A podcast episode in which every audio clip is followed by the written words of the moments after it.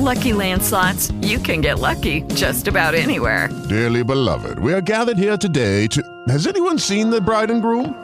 Sorry, sorry, we're here. We were getting lucky in the limo and we lost track of time. No, Lucky Land Casino, with cash prizes that add up quicker than a guest registry. In that case, I pronounce you lucky. Play for free at LuckyLandSlots.com. Daily bonuses are waiting. No purchase necessary. Void were prohibited by law. 18 plus. Terms and conditions apply. See website for details. Rozmowy niekontrolowane. Audycja Wojciecha Poczachowskiego. Minęła godzina 18.15. Polskie Radio Katowice. Rozmowy niekontrolowane, w których przy mikrofonie kłania się Państwu Wojciech Jerzy Poczachowski oraz mój rozmówca oraz współautor audycji, pan profesor Zygmunt Woźniczka. Witam pana profesora. Witam Państwa serdecznie. Szanowni Państwo, drugi panie profesorze, e, rok 1945 mm, zaowocował już definitywnie, że tak powiem, okrzepnięciem sowieckiej okupacji na terenach e, Rzeczypospolitej. Wiadomo już było, że absolutnie nic się nie zmieni. Y, Tak zwany Zachód, czyli te mocarstwa zachodnie, y, przypieczętowały nasz los. Nikogo nie interesowało, co będzie dalej. Y, Po 8 maja 1945 roku radość w Paryżu, radość w Londynie, radość w Nowym Jorku, radość w Waszyngtonie. Wszędzie cieszono się, że w Europie zakończyła się II wojna światowa. W Warszawie, która stanowiła morze ruin, nie było powodów do radości. Nasz, yy, nasza klęska była podwójna wtedy, bo nie tylko, że zostaliśmy wchłonięci przez Sowiety, ale zostaliśmy zdradzeni przez sojuszników, którym naprawdę do końca ufaliśmy. To była jedna z wielkich lekcji, yy, która dzisiaj jest szczególnie istotna, że nikomu, nikomu nie wolno ufać ani wierzyć, nie wierzyć w żadne traktaty. My często powtarzamy y, tę y, łacińską maksymę, bo polska cywilizacja na, na Rzymie, na łacinie stoi. Pacta sunt servanta, prawda? Y, Pacta są podpisane, prawda? Co podpisane święte. No nie. No niekoniecznie. Y, Można jedno obiecać, y, drugie powiedzieć, a trzecie zrobić. I taka była rzeczywistość y, e, Rzeczypospolitej Anno Domini 1945. Ale Polacy nie opuszczali rąk.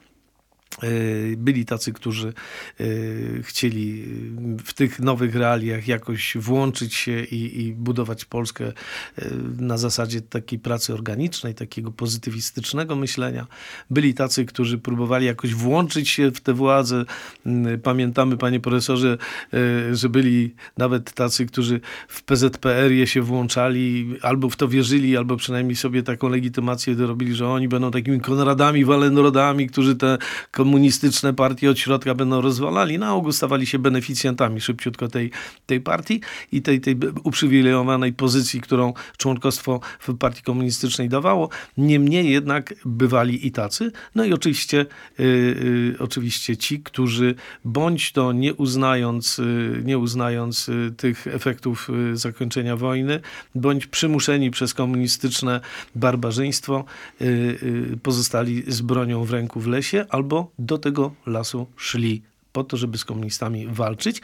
Tym bardziej, że cały czas mamiono jeszcze, że, że trzecia wojna światowa wisi na włosku, przecież Amerykanie nie pozwolą, Sowieci przecież sobie za dużo pozwalają, poszli za daleko w głąb Niemiec, no i sławna, że tak powiem, sławny y, żarcik, którym się pocieszali ówcześni, y, ówcześni y, że tak powiem, przygnębieni Polacy.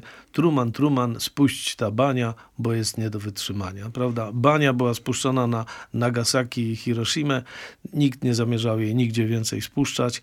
Efekt był taki, że musieliśmy żyć tu i teraz, w tamtych realiach, próbując jakoś przystosować się do rzeczywistości. I teraz sytuacja jest tego typu, że oto latem 45, 46 roku była nadzieja na zmianę.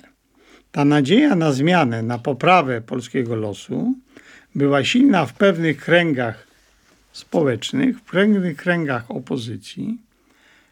Z jednej strony liczono na dwie rzeczy. Liczono na to, że w wyniku wyborów uda się ograniczyć, jeżeli nie odebrać komunistom władzy, punkt pierwszy. Z drugiej strony liczono na zmianę sytuacji międzynarodowej i na wybuch III wojny światowej. Jedna bomba atomowa i wrócimy znów do Lwowa, jedna mm. bomba Alesina i wrócimy znów do Wilna. Mm. To śpiewano tego typu kuplety, co pan przed chwilą też im mówił. Ale ta realność wybuchu III wojny światowej to nie jest tylko science fiction do tej wojny przygotowywali się Rosjanie, to może nie w 1945, ale już później, kiedy odżyli, sam Stalin ją szykował. I to była jedna z przyczyn no, odsunięcia go od władzy i zamordowania go w 1953 roku tak. przez Berię. Tak. Mhm. Bo on go zamordował w 1953 roku. Do tego wrócimy. Bo, bo on szykował tą nową wielką wojnę. Z drugiej strony to napięcie było tak duże, że ruch oporu na terenie Polski czekał na trzecią wojnę światową.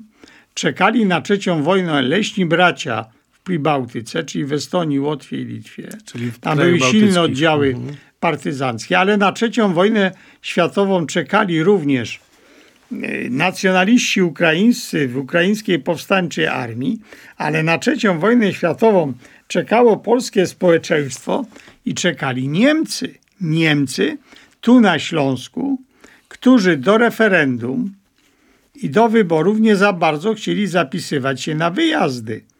I nie za bardzo chcieli wyjeżdżać. No ponieważ oni liczyli na co? Mhm. Że wybuchnie wojna, że pojawi się nowa sytuacja geopolityczna i oni tutaj zostaną. Panie profesorze, wejdę Więc w słowo. To jest, to sytuacja... jest, panie profesorze, zatrzymajmy się na chwileczkę. Y, y, bo to dotyczy Śląska. Do, dotyczy Śląska. Na Śląsku. Z, zresztą również tych regionów, gdzie Niemcy stanowili jakąś tam jakiś, jakiś odsetek. Y, to, o czym pan profesor powiedział, zgoda, oczywiście, to, to prawda, ale był jeszcze jeden bardzo ważny powód. Ja rozmawiałem z wieloma Ślązakami jeszcze jako bardzo młody chłopak, jako student, z ludźmi, którzy byli polskimi Ślązakami, ale mieli znajomych Niemców. I ci Niemcy mieli świadomość faktu, że wprawdzie tutaj na terenie okupowanym przez Sowiety jest fatalnie, ale na terenie y, na terenie tych yy, najpierw czterech, potem trzech, potem dwóch, czyli Bizonia, yy, stref okupacyjnych była autentyczna nędza była autentyczna bieda. Nie tylko w tej strefie sowieckiej, gdzie w ogóle tam gwałty i tak dalej, ale również wszędzie. W związku z tym paradoksalnie, paradoksalnie wówczas y, sytuacja, sytuacja w, w Niemczech była znacznie gorsza, bo jednak to było państwo totalnie zniszczone przez naloty dywanowe, przez y, y, okupację kilku y, armii, kilku administracji. Przecież zupełnie inna była administracja sowiecka, inna amerykańska, inna brytyjska, a jeszcze inna francuska, która okupowała te tereny, które uważała poniekąd za swoje, prawda, typu Zagłębie Zary. Ale w rzeczywistości ci Niemcy tutaj niechętnie tam się pakowali. Dlatego z jednej strony byli tacy, którzy zostawia, zostawali, no bo może się jeszcze sytuacja międzynarodowa inaczej wyklarować, ale z drugiej strony to było, to było tak, że tam nie warto było jechać, bo tam można było tylko i wyłącznie mieć mm, y, nędzę. Nikt nie przypuszczał, że y, y, ten, ten rząd Konrada Adenauera i później, później to, ten, ten cud gospodarczy Erharda on doprowadzi do takiego rozwoju Niemiec, jaki się rzeczywiście wydarzył. Ale to, co bardzo ważne, powiedział, y, napisał to y, Leopold Tyrmand w swoim dzienniku w 1954 roku, powiedział to, co każdy mądry Polak w onym czasie wiedział. Mianowicie 54 rok, już wtedy nie było żadnych złudzeń i wtedy było wiadomo, że Zachód łącznie z Niemcami zaczyna się dobrze rozwijać, a Polska zaczyna dołować, czyli to, co jeszcze w latach, na początku 50 powodowało, że byliśmy jeszcze nie aż tak odstający od tej rzeczywistości, to potem ta różnica się pojawiała. I co napisał Leopold Tyrmand? To jest bardzo bardzo ważny, bardzo ważny, ja tak cytuję z pamięci, yy, pozwolę sobie, powiedział tak. Rozmawiałem dzisiaj z moją znajomą z Opola, która yy, narzeka na to, że Ślązacy, Opolanie i, i Górnoślązacy zaczynają deklarować się jako Niemcy i chcą jechać do Niemiec, chociaż oni przed wojną y, byli członkami Związku Polaków w Niemczech i walczyli o polskość Śląska. Dlaczego tak się dzieje? I wtedy Leopold Tyrman powiedział, y, biedne, nieszczęsne, nierozumne dziecię, które nie pojmuje prostego faktu, że gdyby nie komunizm, gdyby tu była prawdziwa Rzeczpospolita, taka, taka jaka przed, była przed 1939 rokiem, to Niemcy od Berlina po dalej y, w pław przepływaliby Odrę po to, żeby żyć w Polsce, bo tak zawsze było. Komunizm nas zdołował, zniszczył, doprowadził do Ale całkowicie panu- zatrzymania tak, rozwoju, a potem zgadzamy. zdołowania cywilizacyjnego. Ale wróćmy w 1945-1946 roku. Czyli d- Niemcy przyjeżdżali, 10 czy lat wcześniej. delegaci z zachodu przyjeżdżali, by różnego rodzaju takie spotkania i nie mogli się nadziwić, że tam jest system kartkowy, je się margarynę, jakiś chlebek i tak dalej, a w Polsce, w tej wyniszczonej Polsce można bez problemu kupić dobrą kiełbasę, dobrą szynkę, dobry chleb. Mhm. Ten czas jeszcze nie było yy, Zaraz do tego wrócimy. i teraz to samo powodów, się tak. dzieje tu na Górnym Śląsku. Ci jednak mieszkańcy tego regionu byli dobrze odżywieni i były takie przypadki. Tutaj uzupełnię to, co pan powiedział. Niektóre wioski niemieckie i miasteczka niemieckie na Górnym Śląsku, zastanawiając się, czy wyjechać, czy nie, wysyłały swoich przedstawicieli do stref zachodnich, żeby sprawdzić, jak tam jest. I oni wracali, I tak mówili, jak pan "Zostajemy", mówił, tak. zostajemy, bo tam jest gorzej niż tutaj. Rozmowy niekontrolowane. Audycja Wojciecha Poczachowskiego. Z panem profesorem Zygmuntem Woźniczką w rozmowach niekontrolowanych opisujemy sytuację, de facto panie profesorze mówimy o sytuacji gospodarczej, która pojawiła się po wojnie. Yy, i tu trzeba przyznać, że komuniści rządzący Polską, którzy jeszcze rządzili bardzo miękką ręką, oczywiście oni mordowali, yy, mordowali polskich patriotów, yy, w- kazamatach ginęli polscy generałowie, pan generał Fildorf, Nil, rotmistrz Witold Pilecki. Yy, W tym czasie dzieją się takie zbrodnie, ale jednocześnie komuniści, broń Boże, nie wprowadzają żadnych komunistycznych restrykcji. Wręcz przeciwnie, pojawia się tak zwany plan trzyletni, który oparty jest o rozwój tak zwanej drobnej przedsiębiorczości. Znaczy, to jest plan trzyletni, opracowany jeszcze przez grupę z- polskich ekonomistów. Tak, nie mający nic wspólnego z e, komunizmem Londynie, jako takim, prawda? Który zakłada rozwój trzech sektorów. Sektora państwowego, Prywatnego. sektora prywatnego i sektora spółdzielczego. Spółdzielczego. Przy tym Tradycja wyraźny nacisk jest na spółdzielczość. pewne elementy gry rynkowej. Nie mówi się o forsownej industrializacji, mówi się o odbudowie gospodarki i na równym rozwoju. I ten plan trzyletni się powiódł. On, się on był powiódł jedynym planem i w to był historii plan realny, Tak, on się tak. powiódł, on doprowadził do szybkiej odbudowy gospodarki polskiej, często na równi z gospodarką niemiecką. Mhm. Bo Ta gospodarka tak. zaczęła funkcjonować. Tak, tak. Kraj był w miarę dobrze zaopatrzony w żywność, bo jednak to rolnictwo zaczęło działać. Działał handel prywatny, czyli y, no, to zaopatrzenie Cały sektor rzeczy- prywatny jest wspierany. tak, on się świetnie rozwija. To tak. zaczęło funkcjonować. I teraz sytuacja tego typu, że drugim ważnym elementem, który rozbudzał te nadzieje, były wybory. Ja tutaj chciałem do tego wrócić, że wybory parlamentarne zapowiadane były stosunkowo szybko, bo one miały być na wiosnę 1946 roku i one miały rozstrzygnąć o tym, jak ten rząd y, będzie dalej funkcjonował, bo one miały wybrać nowy rząd. Ale najpierw ten być rząd- referendum. Ale nie, nie, nie. Te y, wybory miały, kluczowe. niech pan słucha, Mhm. te wybory miały być na wiosnę 1946 roku. I Mhm. teraz Mikołajczyk był, miał olbrzymie poparcie społeczne. Ten kongres, duże poparcie społeczne. Ten kongres e, PSL-u jesienią, e, zimą 1945 roku świadczył o potędze e, Mikołajczyka. Gdy Mikołajczyk na przykład przyjechał do Katowic, to tłumy ludzi go witali. Witały. On miał w Teatrze Śląskim mieć spotkanie, ale teatr był za mały. Więc przed śląskimi zakładami technicznymi występował na, z balkonu, przemawiał tak, na placu. Masę ludzi Mhm. go popierało i to był istotnie człowiek, który tam na, latem i wiosną 1946 roku budził wielkie nadzieje wśród Polaków. I w ten czas komuniści zrobili numer. Zaproponowali referendum. Referendum ludowe, które miało w jakiś sposób zmienić sytuację i niejako odwlec te wybory, jeżeli ich nie zastąpić, bo wiedzieli, że przegrają. Trzy pytania. Trzy pytania wymyślono takie, które w zasadzie były do akceptacji przez wszystkich.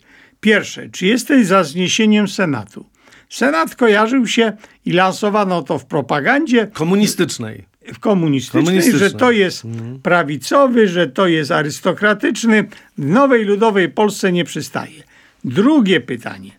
Czy chcesz utrwalenia w przyszłej konstytucji ustroju gospodarczego zaprowadzonego przez reformę rolną i unarodowienia podstawowych gałęzi gospodarki krajowej z zachowaniem ustawowych uprawnień inicjatywy prywatnej? Bardzo ogólnie. I trzecie pytanie. Czy chcesz utrwalenia zachodnich granic państwa polskiego na Bałtyku, Odrze i Nysie Łużyckiej? I teraz co? Głosowanie. I teraz odbywają się przypychanki. Tylko prze- powiedzmy, panie profesorze, propaganda którego obozu szła w jakim kierunku? No więc ja zaraz powiem. Prawda? Sytuacja Trzy była, razy tak było komunistyczne. było komunistyczne. Sławne trzy razy tak, Mikołajczyk pisali. Tak. zaproponował, żeby, zapro, żeby głosować nie na pierwsze pytanie. To było symboliczne. Ale Senat miał być też takim No warunkiem, tak, ale, że takiej ale wie pan, on się musiał Sejmu, w, w prawda? czymś przeciwstawić Ale komunistom, Senat miał u- a pytanie u- drugie i trzecie no, nie dawało takich możliwości, więc jedynie Senat. Ale toczyły się zakulisowe rozmowy. Komuniści zaproponowali coś takiego, że PPR, PPS, PSL i SL dostaną po 20% głosów, SD i SP po 10%. I powstanie blok demokratyczny, który będzie głosował na jedną listę. I oni przejdą przez to referendum, jak burza, i później po wygraniu tego referendum każdy dostanie po tyle procent głosów. I teraz Szwalbę, yy, przywódcy koncesjonowanej PPS, naciskali na Mikołajczyka, żeby się zgodził. Ponieważ uważali, że to zostanie i tak sfałszowane, a jedynie jeżeli Mikołajczyk dostanie 20%, to będzie dużą, liczącą się siłą polityczną i PSL, koncesjonowane PSL, które jednak Kontestowało, i, i, i odnosiło się z dużą rezerwą do komunistów. Oni Znaczy wystarczyło, Ci- że ten Senat by powstał w takiej tak, oparciu i byłby by taką zaczęli- izbą tak, bo, y, PS, mm, bo y, kontestującą tutaj, komunistyczny y, Sejm. Tutaj to PPS, to Hoffeld, Edwardo Słupka-Moraski, Szwalbę, no i, i ten Cyrankiewicz. Oni próbowali grać między Mikołajczykiem a Gomułką. To była taka gra, oni doskonale wiedzieli, co to są komuniści, doskonale tą sprawę znali i próbowali tego Mikołajczyka w taki sposób jakoś ustawiać. Przy tym propaganda mówiła, że ten blok, jak on powstanie cały, to on będzie występował przeciwko reakcji. A tą reakcją nazywano Byli wszyscy, którzy nie byli komunistami. tak, czyli to byli ci ludzie, Albo jak Stronnictwo później, Narodowe? Jak jak y, podziemie w kraju i tak dalej. I teraz Mikołajczyk nie uległ tym naciskom i, z, i wysunął własną ofertę, żądając 75% mandatów dla reprezentacji wsi. I teraz komuniści nie zgodzili się na to, że on chce tyle procent i nie, i nie dali mu tego. I doszło do sytuacji, że Mikołajczyk szedł osobno, z osobną listą wyborczą. I teraz zaczyna się jaka zabawa. Zabawa się zaczyna tego typu, że cała władza, bezpieczeństwo, PPR, cała struktura tego opresyjnego państwa uderza w PSL. I na wiosnę zaczyna się jadka. Jest likwidacja, to znana sprawa Ściborka, którego zamordowano. Morduje się działaczy PSL-u, podrzuca im się broń, oskarża ich się o, róż- o współpracę z podziemiem, y, delegalizuje się całe okręgi PSL-u. PSL-u i tu na przykład, y, na przykład doszło, że na zjazdach powiatowych w Katowicach, y, na przykład w Katowicach próbowała się nie dopuścić do powstania w ogóle struktur wojewódzkich PSL. Funkcjonariusze bezpieczeństwa w różny sposób prowokacyjny atakowali tych działaczy PSL-u. 50 z nich zamordowano byli oni zamordowani przez nieznanych sprawców. Nieznany sprawca przyszedł i zastrzelił. Tak jak przez cały okres komunizmu tak. mordowano Wychodziła Gazeta Ludowa, która była organem PZL-u, gdzie opisywano właśnie tego typu działania. Jednocześnie represjonowano cały czas y, tutaj władze, y, władze PZL-u. I teraz odbyły się wybory. Wybory odbyły się 20, 30 czerwca 1946 roku. I co się dzieje? Komuniści głosowali, głosuj trzy razy tak. Mikołajczyk nie, tak, tak. I teraz jak ja, wyglądały... Panie profesorze, tylko przypomnę, że tak gwoli nie, może trochę anegdoty, że nie, opozycja miała takie swoje hasło propagandowe, które było tak jak komuniści mieli bardzo proste. Wszędzie, gdzie się dało, nawet czasami jeszcze niedawno w Katowicach, gdzieś tam na po starych miejscach można było to zobaczyć, trzy razy tak, to komuniści pisali, a opozycja, czyli PSL, no, to wszystko, co rozumiemy jako, jako sprzeciw wobec komunistów w onym czasie, miało takie hasło, które wszędzie, że tak powiem, też było e, popularyzowane. Mądry człowiek, każdy wie, mówi tak, bądź mówi nie.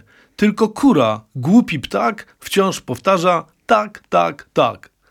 To było, Ale hasło, komunist- fajne. to, to było hasło antykomunistyczne w pewnym czasie. I teraz, su- szanowni słuchacze, dokonuje się proces samego głosowania. I według danych, to jest ważne, według danych oficjalnych, sfałszowanych, na pierwsze pytanie Okay, round two. Name something that's not boring. A laundry? Ooh, a book club. Computer solitaire, huh?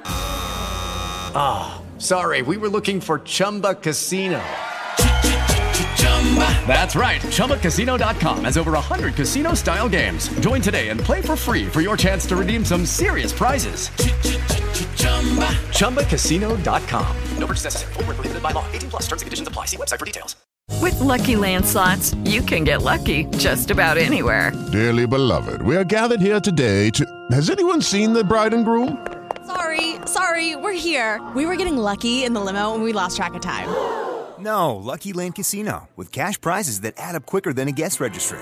In that case, I pronounce you lucky.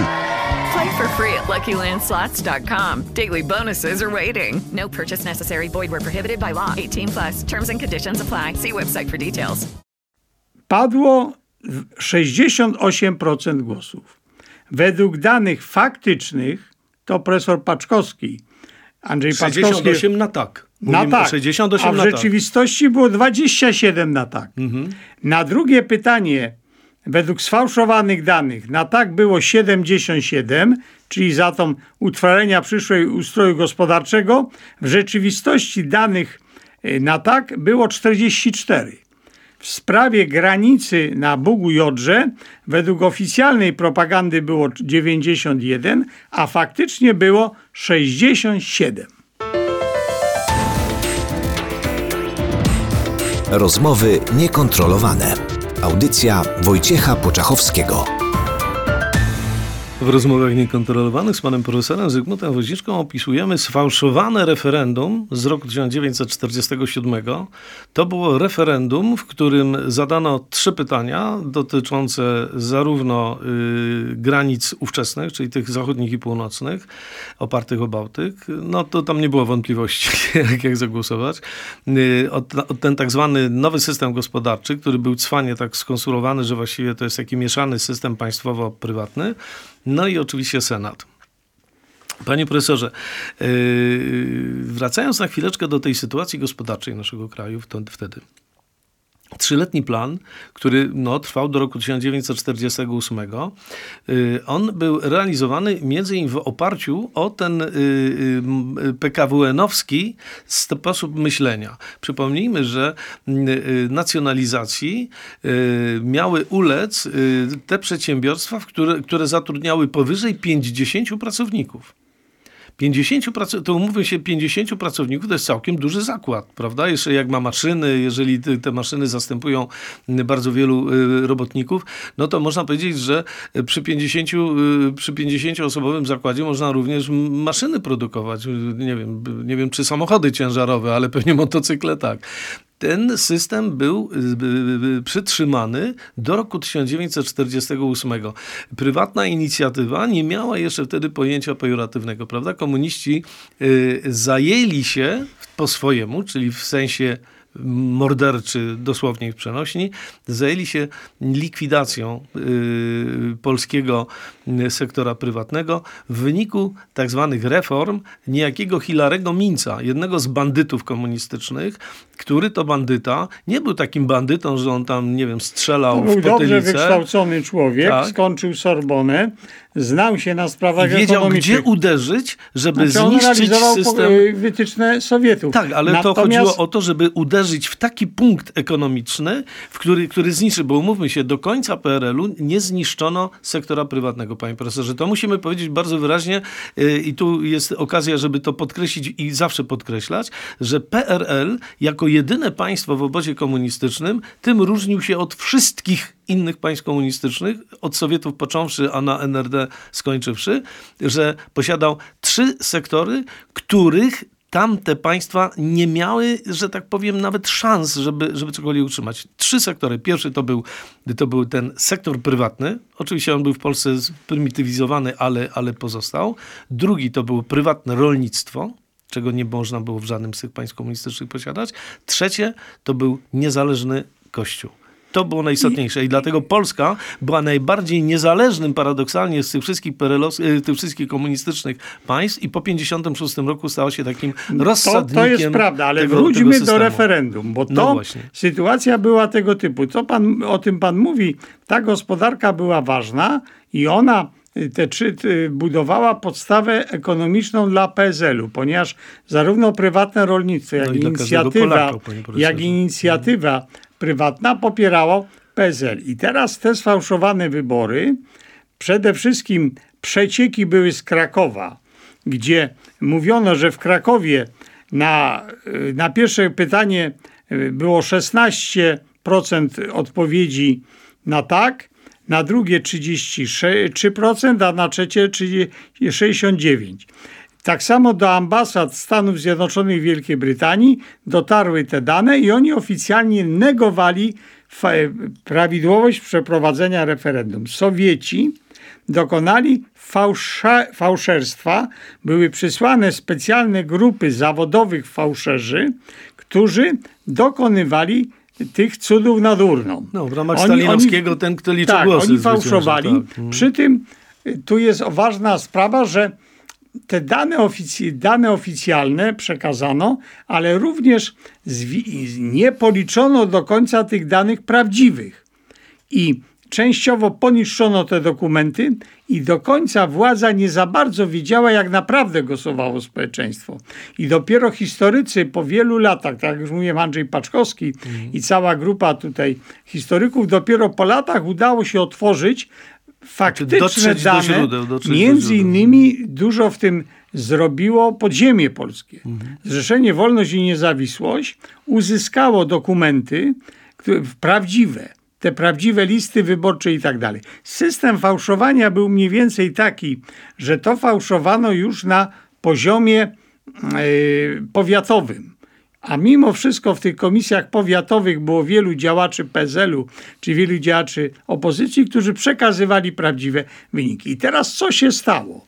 Okazało się, że to referendum pod względem propagandowym było w dużym stopniu niewypałem i nie doprowadziło do dwóch ważnych rzeczy. Nie doprowadziło do anulowania wyborów, bo komuniści szli w tym kierunku. Było referendum, cały naród nas popiera, to po co robić wybory? To może dajmy sobie spokój wyborami. Teraz nagle się okazało, że, że referendum jest fałszowane, to jednak wybory trzeba zrobić. Punkt pierwszy. No bo to była Punkt- legitymacja dla tak. Zachodu, którego tak, wtedy oczywiście. jeszcze tam Punkt tolerowano. drugi, Mhm. PSL jednak y, przetrwało, zdobyło duże poparcie społeczne, więc oni dokonali jeszcze jednego ruchu. Pogrom kielecki. Pogrom kielecki. No, I teraz ten pogrom kielecki to jest 4 lipca 46 roku. No to jest przeddzień... Klasyczna prowokacja Przeddzień sowiec- Poczdamu, to musimy tak, powiedzieć. sowiecka Mhm. to y, nie, Potsdam był przecież w 45 roku. A, bo to jest 46. Ale zaraz, zaraz, panie profesorze, bo y, ale to było w jakimś ważnym momencie międzynarodowym. No dobrze, ale niech pan zaczeka, No, no, niech no. ja skończę o tym pogromie kieleckim, bo słuchacze całkowicie się pogubią. 4 lipca 1946 roku grupa sowieckich i polskich, ale przede wszystkim sowieckich NKWdzistów, którzy mieli dobre e, doświadczenie w różnego rodzaju pogromach, zorganizowała pogrom w Kielcach. Oczywiście nie wchodzimy w szczegóły, bo dokumentów też i do końca nie ma to potwierdzających. Zamordowano 42 Żydów. Podburzono motłoch, który i nawet taki chłopczyk się znalazł, którego podobno Żydzi porwali, żeby go do tego domu, do piwnicy, żeby go tam zamordować i jego krew użyć do produkcji macy, to oczywiście wierutna bzdura. Natomiast to ta propaganda szła w tym kierunku, żeby tych ludzi często niepiśmiennych w Kielcach przekonać, że to tak naprawdę było. Tych ludzi spędzono pod ten dom i tam znajdującą się grupę Żydów po prostu zamordowano. Dom spalono, Żydów zamordowano. I teraz zaczęły się również ekscesy antyżydowskie na terenie Kielc i okolicy. Jaki był cel tego pogromu kieleckiego? No nie chodziło o to, żeby tylko tych, tych nieszczęsnych Żydów zamordować. Chodziło o to, żeby, żeby skompromitować na Zachodzie Polskę jako kraj antysemicki i pokazać, że tymi antysemitami są właśnie prawica polska, polski kościół i to, co nazywamy opozycja polska. Natomiast komuniści, proszę bardzo, nie są antysemitami. Wśród nich jest przecież tylu Żydów. Tak samo w aparacie bezpieczeństwa było bardzo dużo Żydów, więc oni są w porządku. I teraz co się stało? Zachodnie gazety nie pisały już. I dyplomaci zachodni nie zajmowali się już sfałszowanym referendum, bo ta sprawa nie, niejako została przy, odsunięta na boczny tor, tylko zajmowali się pogromem kieleckim. I pogrom kielecki przykrył sfałszowane referendum. Ale jeszcze jedną rzecz przykrył, panie Tak. profesorze, jeżeli wolno wyjść słowo.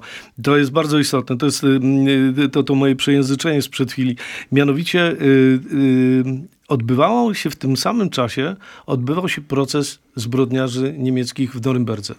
I w tym momencie odbywał się, y, y, miał miejsce epizod, bo rzeczywiście to niestety de facto był epizod, kiedy y, Sowieci próbowali na Niemców zrzucić odpowiedzialność za zbrodnię katyńską. I prokurator sowiecki próbował włączyć do procesu norymberskiego y, mord w Katyniu zrzucić na stronę niemiecką. I w tym momencie y, okazywało się, że wszystkie dokumenty, które, którymi dysponują y, y, sędziowie i prawnicy na procesie norymberskim, one jednoznacznie jednak wskazują, że y, zbrodni dokonali Sowieci. Zatem y, ten pogrom kielecki, gdzie znowu zaczynała odżywać w prasie zachodniej też ta, ten, ten, ten y, y, problem katyński, bo on już został poniekąd zdjęty z cenzury w Wielkiej Brytanii, w Stanach Zjednoczonych, to w tym momencie okazywało się, że tam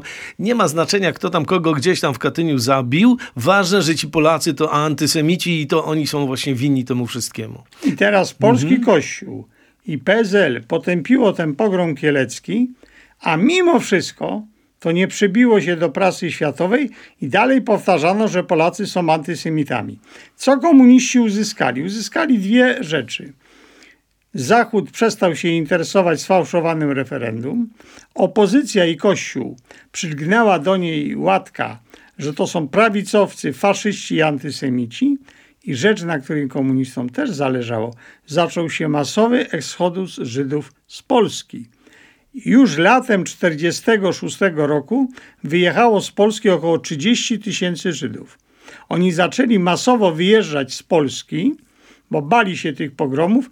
Gdzie zaczęli wyjeżdżać? Do Palestyny, gdzie budowali państwo Izrael. I warto tutaj przypomnieć słuchaczom, że w tym czasie za powstaniem państwa Izrael, które powstało trochę później, dwa lata później, 48. ale ci Żydzi przyjeżdżali i popierali to Sowieci. Sowieci byli inicjatorami wsparcia dla ruchu No sionistycznego. bo Wielka Brytania była przeciwko. Wielka. Brytania i, i Francja, ale przede wszystkim Wielka Brytania, to był mandat Wielkiej Brytanii Tak, Palestyna. w Palestynie i Sowieci prowadząc dywersję chcieli powołać państwo, które będzie komunistyczne, nie, prosowieckie, żydowskie oczywiście, które będzie występować przeciwko Wielkiej Brytanii.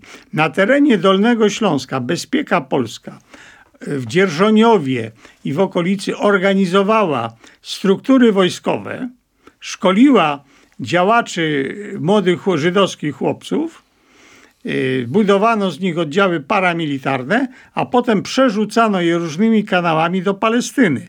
Z Czechosłowacji przerzucano broń. Czesi, no to zbrojówka bloku wschodniego. Czesi posiadali olbrzymie e, magazyny broni jeszcze po niemieckiej. No i fabryki dobre. I fabryki dobre i tą broń tam przerzucano. Czyli Sowieci pomagali budować struktury administracyjne i wojskowe tworzącej się tutaj konspiracji. I teraz pogrom kielecki miał dostarczyć ludzi, bo ci Żydzi tutaj e, byli no, potrzebni, ale bardziej potrzebni byli na Ziemi Świętej, Palestynie, żeby robić na złość Anglikom. Więc to są pewne sprzężenia zwrotne, które się tutaj pojawiają. Stalin gra na kilku fortepianach i próbuje tą sprawę rozstrzygnąć w taki czy w inny sposób. Po Polska była nieudanym- kartą przetargową wielokrotnie, dlatego że stanowiła jednak clue tej y, Europy Środkowo-Wschodniej, na której Sowieci łapy położyli, ale wiadomo było, że Polacy to nie są baranki, nie będą się łatwo podporządkowywali, więc żeby spacyfikować nastroje propolskie na Zachodzie, ten pogrom kielecki, o którym pan profesor powiedział, y, y, już wtedy było wiadomo, że głównymi inicjatorami i uczestnikami tego po- pogromu to byli członkowie wyselekcjonowani zresztą po, po pierwsze milicji obywatelskiej, a po drugie Korpusu Bezpieczeństwa Wewnętrznego. To się wtedy działo I potem dos- był dosyć proces. ordynarnie. Proszę zwrócić To- uwagę, że był proces po procesie kieleckim. Oskarżono kilku ubeków za wykonanie, za, za ten mord. Oni się zaczęli tłumaczyć i, i nie za bardzo wskazywać i potem po jakimś czasie dostali wyroki śmierci i zniknęli.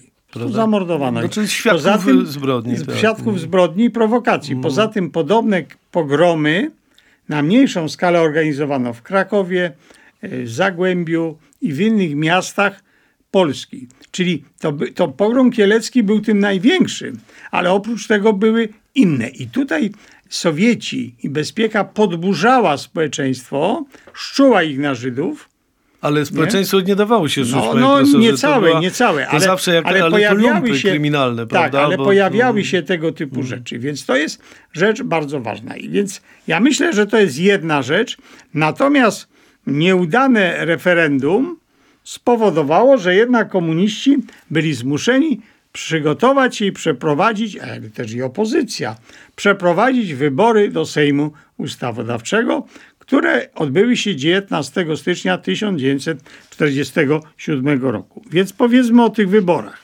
Wybory były zagwarantowane już wcześniej i dochodziło do kilku działań. Z jednej strony Mikołajczyk przygotowywał się do przeprowadzenia tych, tego, tych wyborów, z drugiej strony działacze PPR-u prowadzili działania odśrodkowe, żeby rozbić zarówno PSL, jak i Stronnictwo Pracy. W Stronnictwie Pracy pojawiła się tak zwana grupa zrywu, dawnego zrywu, to byli dawni działacze jeszcze z okresu międzywojennego i latem 1946 roku doszło do mm, takiego działania, że ostatecznie osłabiono pozycję Karola Popiela, a przed wyborami do Sejmu Ustawodawczego całkowicie go zmarginalizowano. Czyli Stronnictwo Pracy jako siła polityczna zostało osłabione. W samym PSL-u zaczęły się nie tylko działania mające na celu likwidację całych okręgów powiatowych PSL-u, żeby nie mogły głosować, one były delegalizowane, ale zaczęto budować kontrę przeciwko Mikołajczykowi, pozyskiwać niektórych działaczy partyjnych, czy ich w jakiś sposób korumpować politycznie, czy zastraszać, żeby występowali, występowali przeciwko niemu. To jest jedna kwestia.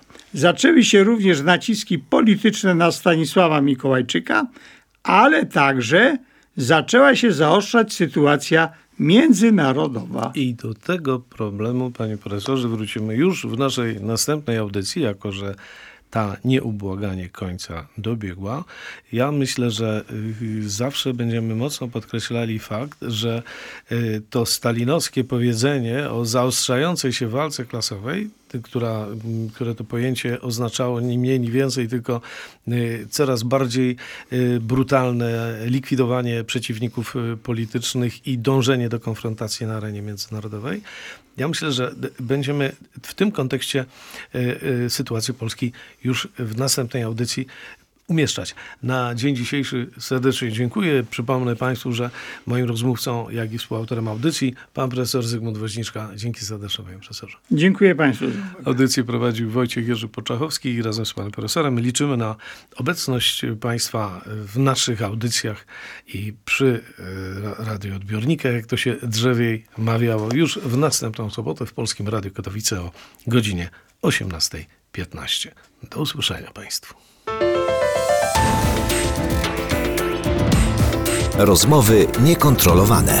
Audycja Wojciecha Poczachowskiego.